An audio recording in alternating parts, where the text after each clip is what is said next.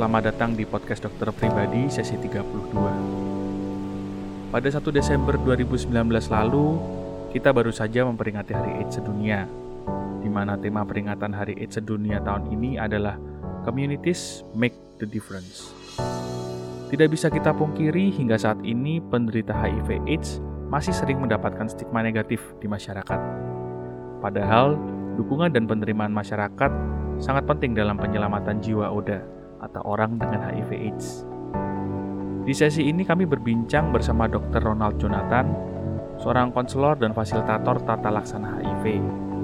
Kami berbincang mengenai sebenarnya apa itu HIV AIDS dan segala seluk-beluknya. Dan juga bagaimana hidup berdampingan dengan Oda. Beliau juga berbagi mengenai perkembangan pengobatan HIV AIDS yang semoga bisa membukakan pengertian dan hati kita kepada saudara-saudara kita Oda. Halo, Dokter Ronald. Halo, selamat malam. Selamat malam.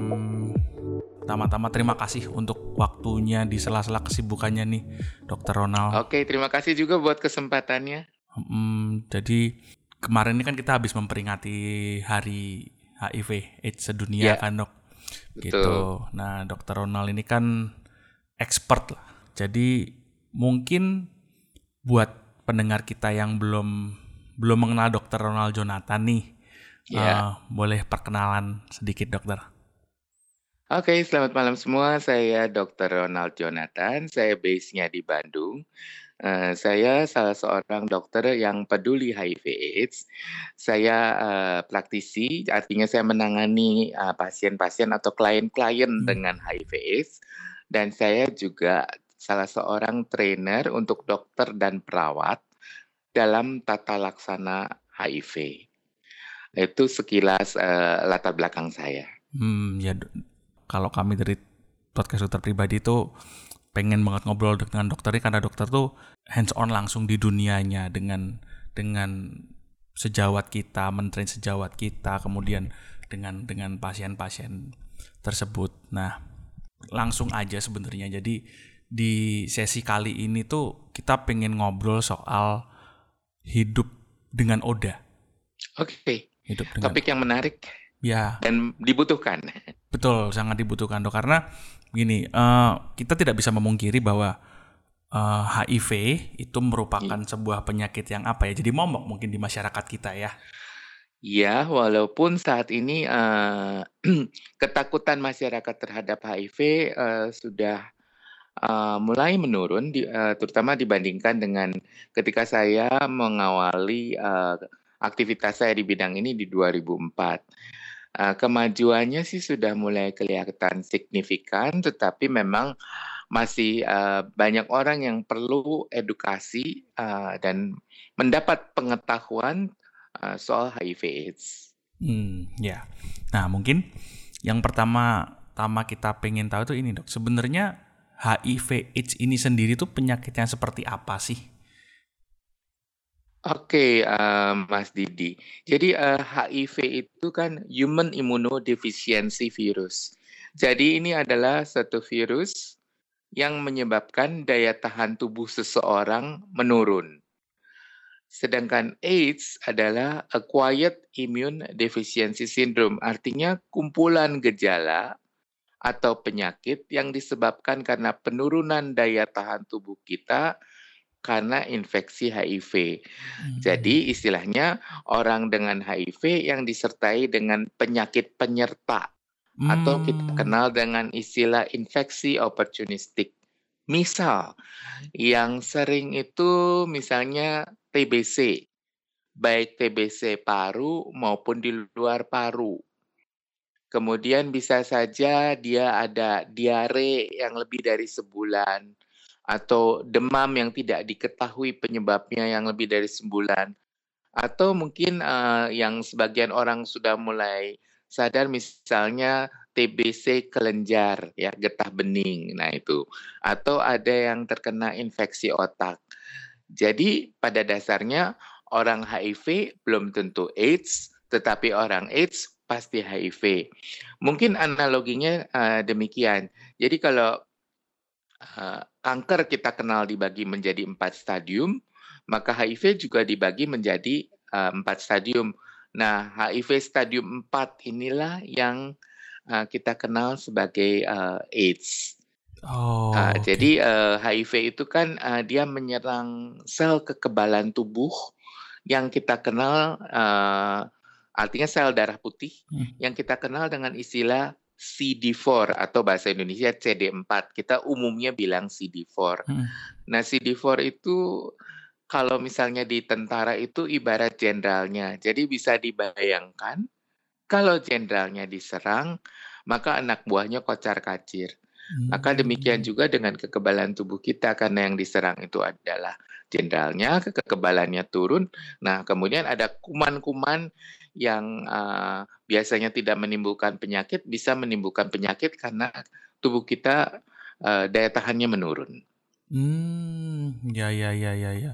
Jadi virus HIV ini yang diserang itu adalah hasilnya kepalanya dari pasukan ketahanan tubuh kita berarti dok ya. Betul, betul, betul. Makanya ketika Mas sudah terserang sudah memang akhirnya apa ya terkena ya ya jelas saja kita jadi mudah terkena penyakit Penyakit macam-macam lain yang akhirnya yang mungkin perlu diketahui oleh uh, masyarakat adalah orang HIV itu meninggal bukan karena HIV-nya tetapi karena penyakit penyertanya atau yang kita kenal dengan istilah medis infeksi opportunistik. Hmm, ya ya ya ya ya.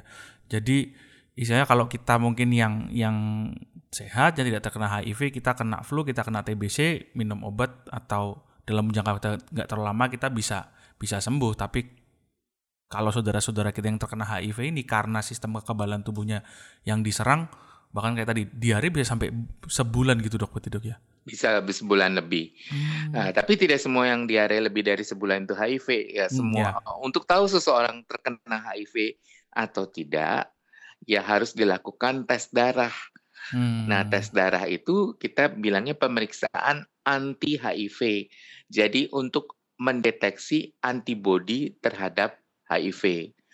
Tes Hmm. ini sudah bisa dilakukan eh, di seluruh Indonesia di hampir di semua rumah sakit dan hampir di semua puskesmas, sebagian besar puskesmas. Hmm. Di luar eh, eh, lab swasta tentunya. Ya. Kalau itu eh, lain cerita, tetapi intinya adalah di instansi pemerintah eh, tes ini bisa dilakukan dengan biaya yang berkisar dari gratis sampai eh, kalau di swasta tentu bisa sampai 400 ribu, tetapi kualitasnya baik.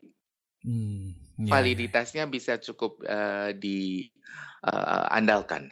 Ya, ya, ya, ya, ya. Nah, yang menarik begini dok, yang yang membuat membuat apa ya kami di podcast dokter pribadi ini ingin berbicara lebih mengenai mengenai HIV AIDS terutama soal saudara-saudara kita yang istilahnya kan eh, Oda itu kan orang dengan HIV AIDS begitu kan Ya, betul, Nah, betul. stigma atau istilahnya ya mungkin bisa dikatakan pengertian se- mungkin seba- masih sebagian besar dari kita bahwa ini penyakit yang sangat menular lah atau bagaimana. Nah sebenarnya HIV AIDS sendiri ini itu seberbahaya apa atau bagaimana sih cara penularannya dok? Karena yang yang jadi pengertian masyarakat kita kan ini ngeri gitu loh. Tapi sebenarnya sebenarnya itu seperti apa? Sebetulnya kalau penularannya gini, saya perlu jelaskan bahwa HIV itu ada di empat cairan tubuh yang utama. Satu ada di darah, Hmm. kedua ada di cairan sperma, bukan di spermanya ya, di air maninya. Hmm, Tiga ada di cairan vagina, bukan di sel telur. hmm. Empat ada di air susu ibu. Oh, Oke. Nah, kalau kita lihat dari empat cairan utama itu, kita bisa turunkan atau perkirakan dari eh, bagaimana cara penularannya. Pertama, kalau darah tentu kaitannya bisa lewat eh, Transfusi ya. tertusuk jarum, eh, tertusuk jarum yang ter- de- tercemar darah orang HIV. Hmm. Makanya kasus HIV tinggi di kalangan pengguna narkoba suntik yang berganti-ganti jarum suntik. Oh, Oke. Oke. Kemudian untuk urusan transfusi darah, resikonya ada tetapi sekarang amat sangat kecil. Hmm. PMI kita sekarang sudah cukup baik karena untuk pemeriksaan eh, HIV-nya beberapa PMI yang besar sudah melakukan pemeriksaan eh, yang disebut dengan NAT atau nucleic acid test. Jadi uh, seperti kita ketahui di uh, HIV itu ada yang namanya masa jendela. Kalau di uh, penggunaan anti HIV yang biasa masa jendela itu tiga bulan. Hmm. Uh, sedangkan kalau di PMI sekarang uh, masa jendelanya dua minggu. Jadi oh. masa jendela adalah masa dari mulai masuknya kuman atau virus ke dalam tubuh sampai kita bisa mendeteksi antibodi. Hmm, oke. Okay. Oke. Okay. Ya, nah kalau itu waktunya adalah kalau dengan generasi uh, generasi tiga yang kita sebut sekarang tes yang sekarang ini hmm. itu kira-kira waktunya maksimal tiga bulan. Tetapi kalau untuk PMI sekarang lebih menarik lagi karena yang diperiksa bukan antibodi tetapi antigennya, jadi hmm. partikel virusnya. Hmm, hmm. Dan itu waktu yang dibutuhkan hanya dua minggu hmm. dari mulai infeksi. Jadi uh, eh, PMI sekarang uh, cukup canggih sih. Cukup canggih ya, betul. Ya, artinya kalau lewat transfusi darah sebetulnya resiko ada, ter, uh, tetapi amat sangat kecil. Ya. Kalau orang tanya apakah uh, kita bisa Eh, menjamin bahwa darah PMI itu 100% aman? Jawabannya kalau kita jujur, ya tidak. Ya, karena semua juga ada masa jendela. Hmm. Dan di mana pun Anda berada, itu tidak bisa terhindar. Hmm. Tetapi sampai saat ini, uh, orang-orang yang tertular HIV lewat uh, transfusi darah, artinya di masa sekarang ini hmm. sudah uh, saya sendiri belum pernah menemukan. Hmm, ya, ya.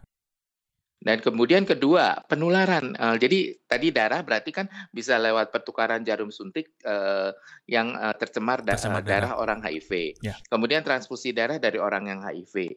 Kemudian kalau kita lihat lagi uh, dari cairan kelamin, berarti berhubungan seks tanpa kondom dengan hmm. orang yang HIV positif.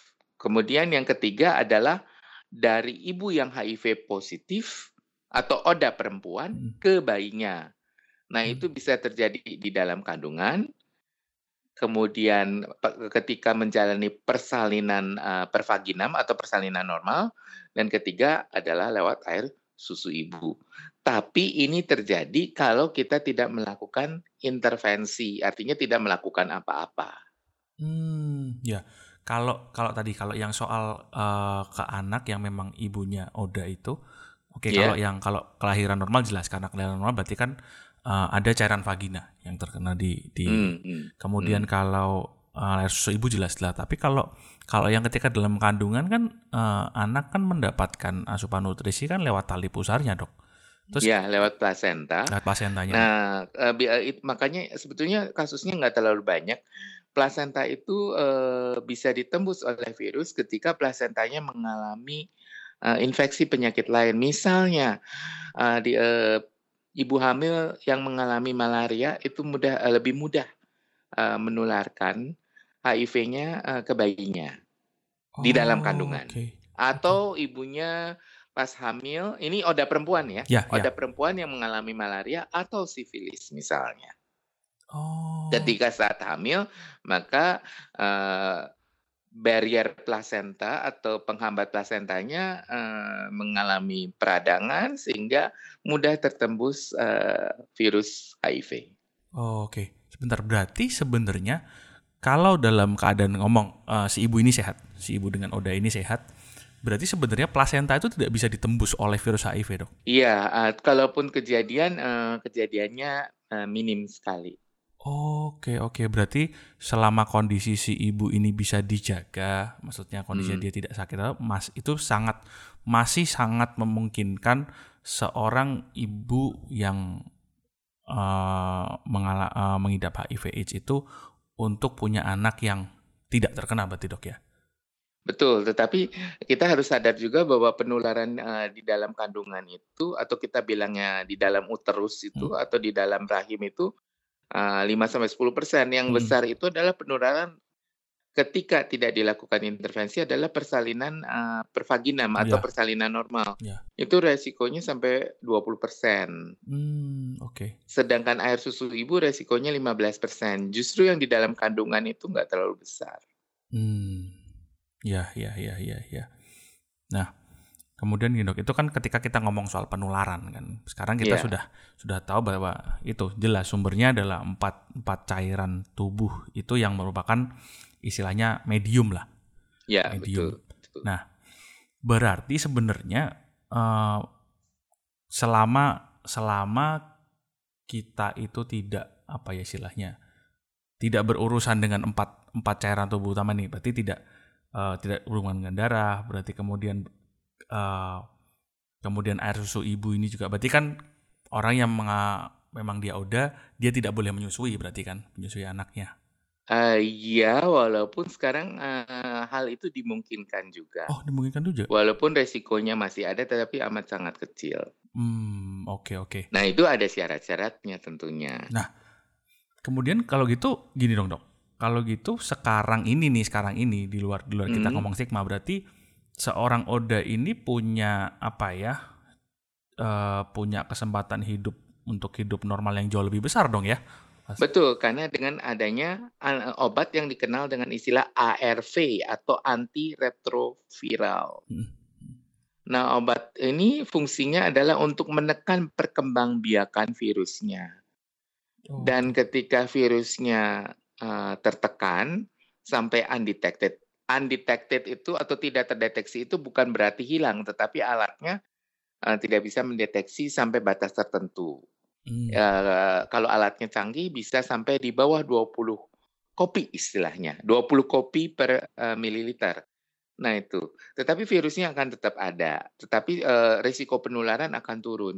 Jadi biasanya misalnya saya HIV positif, eh, gini. Jadi sekarang setiap orang Uh, siapa saja yang uh, mungkin pertanyaannya adalah sedemikian siapa saja yang perlu dites HIV sekarang ah, yang iya. perlu dites HIV adalah orang-orang uh, yang uh, menimbulkan ada gejala-gejala yang berkaitan dengan HIV seperti yang saya bilang tadi hmm. ada diare lebih dari sebulan, kemudian ada demam lebih dari hmm. sebulan, ada infeksi otak misalnya karena toksoplasma. Nah, itu akan dites HIV dan ada beberapa penyakit lain. Kemudian semua ibu hamil dites HIV.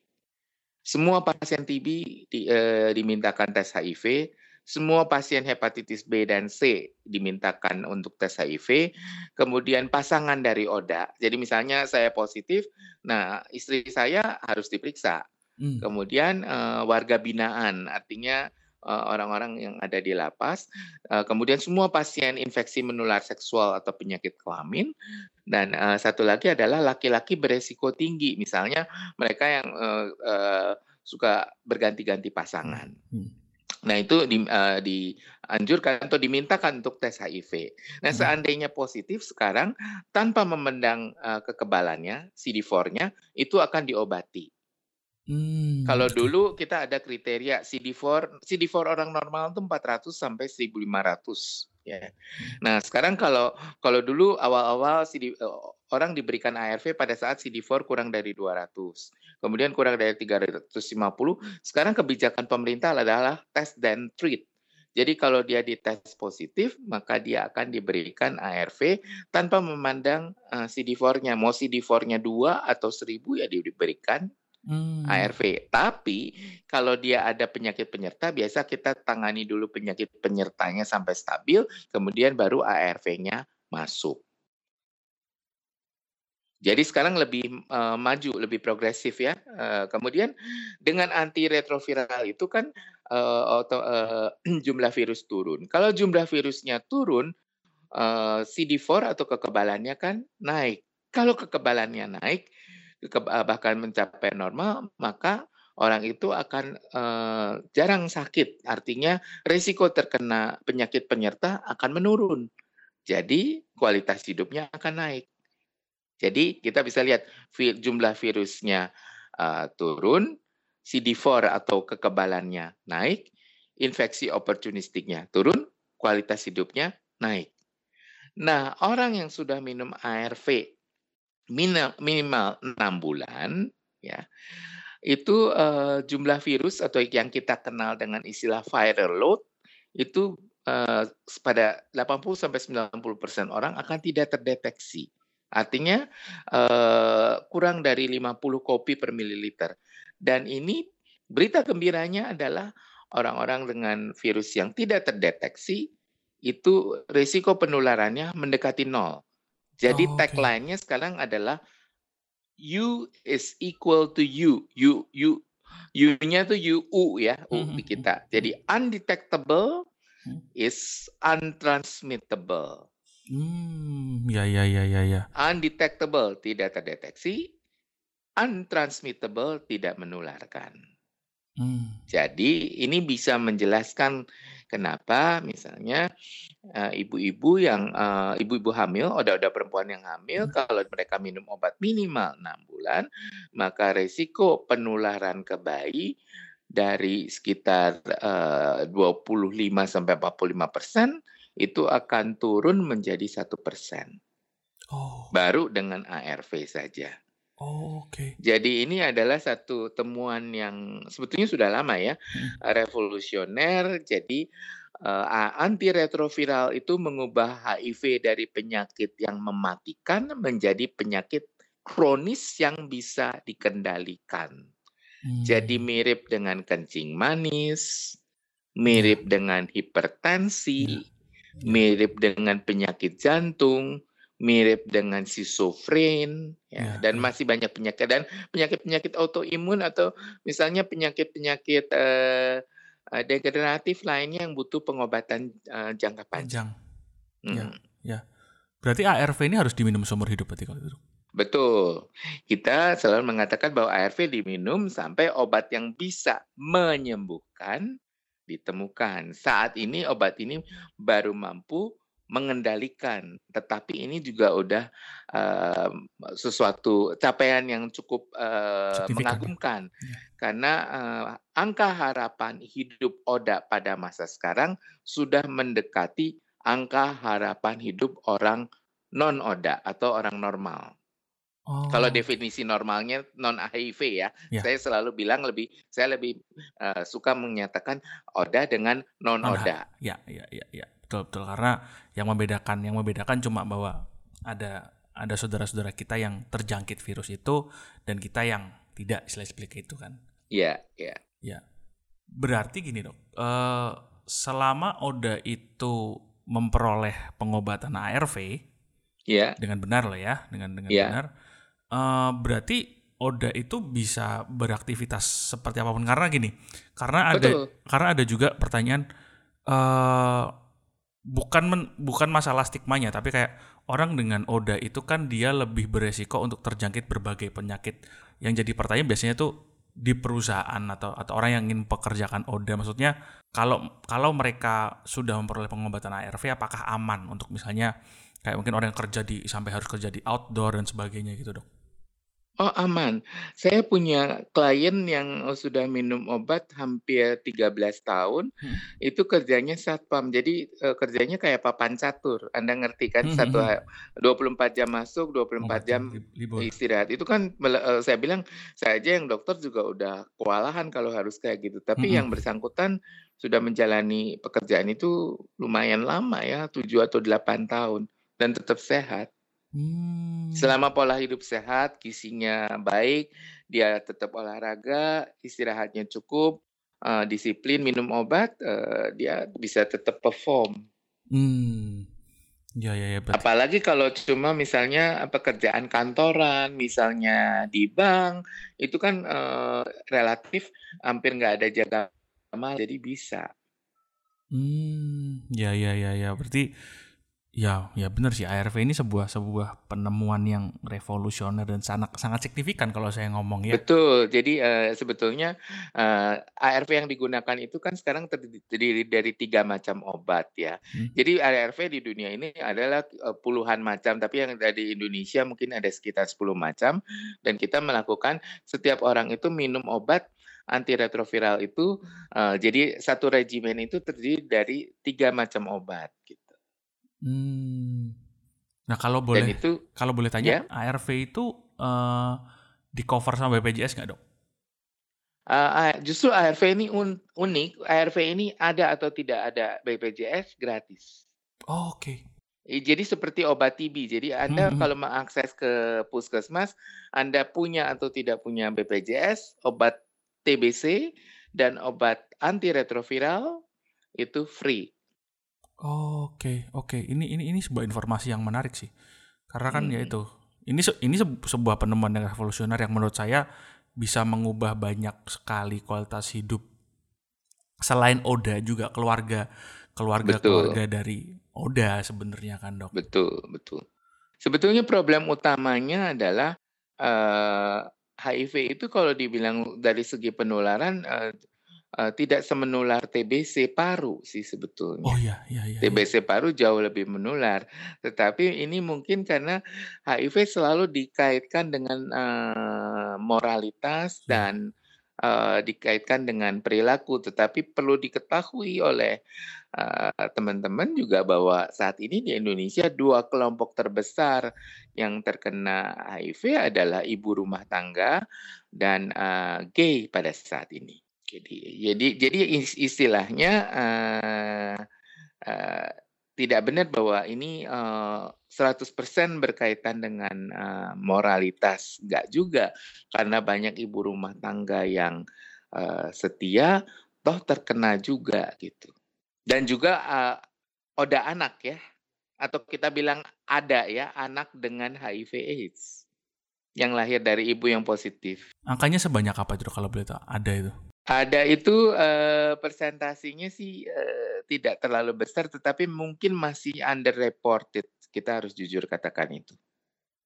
Karena kan ya bisa kita bilang orang yang di kalangan ibu rumah tangga aja ada yang bisa undetected, apalagi yang ada ini kan juga yang menarik itu kan nggak tahu ya, mungkin kalau case-case yang antara undetected atau unreported atau yang memang memang dikip sama lingkungannya kan kita juga nggak tahu dok. Padahal betul. Tapi uh, sebetulnya lah, karena obat itu diakses dari pemerintah harusnya sih datanya ada, bukan dalam bentuk uh, maksudnya yang tahu data itu hanya rumah sakit atau institusi yang memberikan obat, tetapi laporan yang masuk ke dinas bentuknya angka.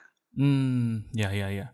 Dan ini obat ARV ini bisa didapatkan di semua puskesmas di seluruh Indonesia berarti dok? Uh, semua uh, sebagian besar rumah sakit, semua RSUD dan RSUP bisa. Kemudian puskesmas baru mulai, uh, belum semua puskesmas, tapi puskesmas besar itu rata-rata sudah uh, sudah mulai bisa. Tergantung kotanya juga dan wilayahnya. Kalau Papua itu banyak puskesmas yang sudah bisa, DKI juga, uh, Bali, Surabaya, Jogja, Bandung uh, sudah mulai ada. Kalau Jakarta sudah banyak. saya kurang uh, untuk provinsi-provinsi uh, lain saya rasa juga sudah mulai jalan, hmm. tetapi belum berarti semua puskesmas tidak. Biasanya satu kota baru satu, dua atau tiga puskesmas, kecuali DKI yang puskes hampir banyak puskesmas yang sudah melayani HIV. Hmm. ARV, sorry. ARV ya, ya, ya. Jangkauannya hmm. udah, ya harusnya paling nggak dengan RSUP itu sudah sudah sudah. Uh, ya, sekarang RSUP, RSUD gitu, ya. Dan rumah sakit swasta juga.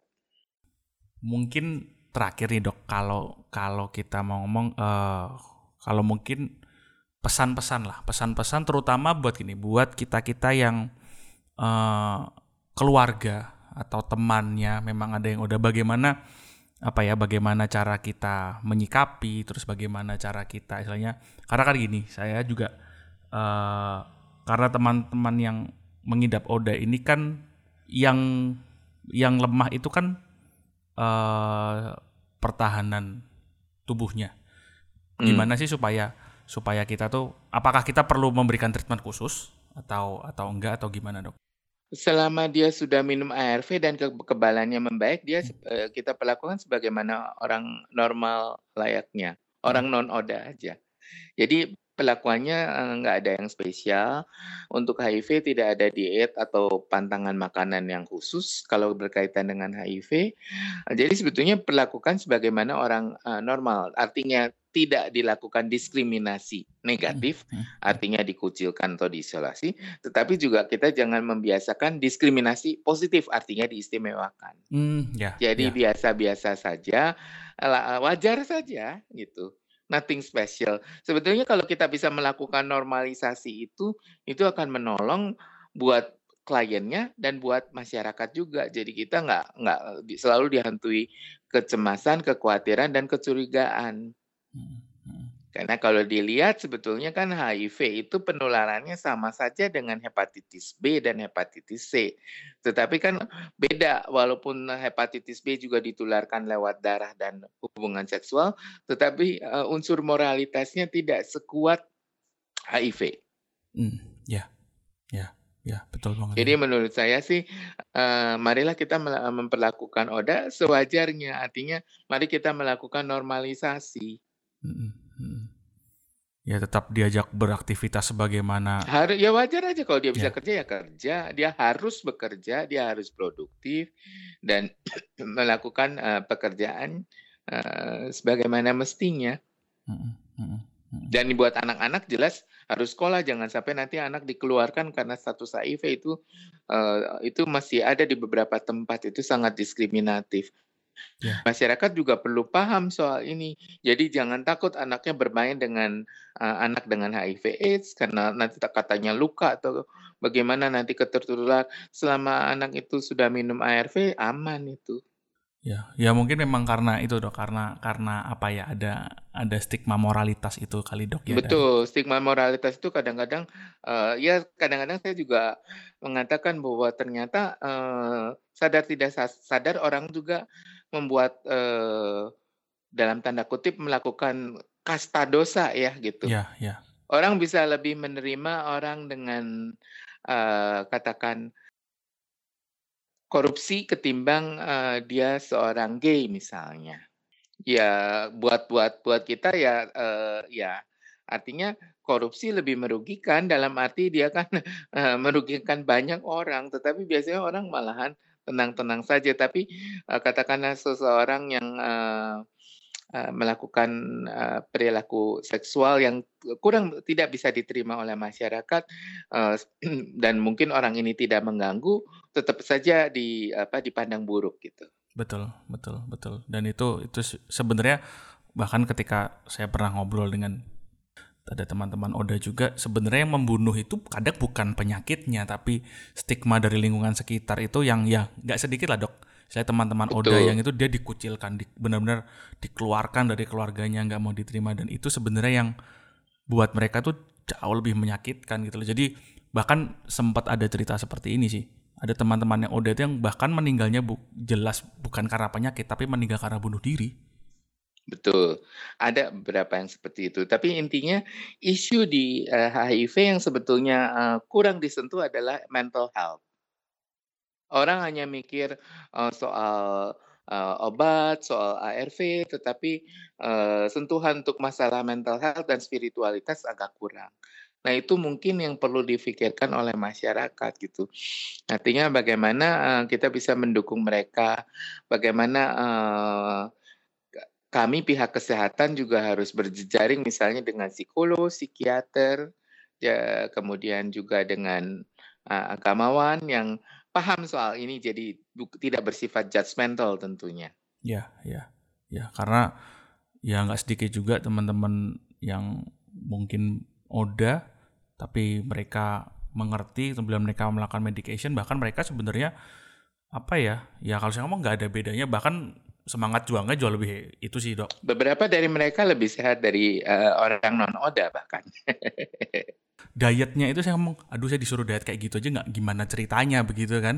Betul, dan pola hidupnya jadi lebih sehat gitu. Betul, betul, betul. Artinya, mmm, menjadi Oda tentu menyedihkan Betul. buat yang, eee, mengalami, Mhm. tetapi di balik itu juga kadang ada blessing in disguise gitu. Artinya pola hidupnya menjadi lebih baik, dia menjadi lebih sehat, eee, yang biasanya begadang jadi nggak begadang gitu. Artinya, eee, begadang yang nggak perlu tentunya Ya, maksud ya. eee, maksudnya ya. Jadi dia, eee, lebih healthy lifestyle gitu ya. mhm, mhm, mhm. Ya, ya bener sih memang ya itu ketemu juga ada yang bahkan mereka ini kayak motivator kesehatan dan olahraga bahkan istilahnya. Betul betul, Karena ya. buat mereka kalian itu kalian tuh lebih beruntung, makanya kalian harus lebih menghargai gitu ya. Ya di satu sisi ya betul ble- blessing in disguise di satu sisi mereka menyadari ini sebuah kemalangan, tapi di satu sisi lain juga bukan berarti kita tidak bisa saling memotivasi lah untuk jadi lebih baik. Betul betul betul. Gitu. Oke, mungkin kira-kira begitu Dokter Ronald. Terima kasih Oke, sekali Mas Didi. Ya, untuk sharingnya. sama-sama. Terima kasih buat kesempatannya. Terima kasih sudah berbagi, eh boleh berbagi dan satu lagi eh, jauhi virusnya bukan orangnya. Oke, jauhi virusnya bukan orangnya. Oke, terima kasih dokter. Oke, ya Selamat malam. malam. Untuk Anda yang ingin bertanya lebih lanjut mengenai topik sesi kali ini atau mengobrol dengan tim dokter di podcast dokter pribadi atau bahkan ingin menyampaikan saran mengenai topik-topik yang ingin dibahas di sesi-sesi selanjutnya, sapa kami di Instagram karena sekarang podcast dokter pribadi punya akun Instagram di @dokter.pribadi.official. Sekali lagi akun Instagram kami ada di @dokter.pribadi.official.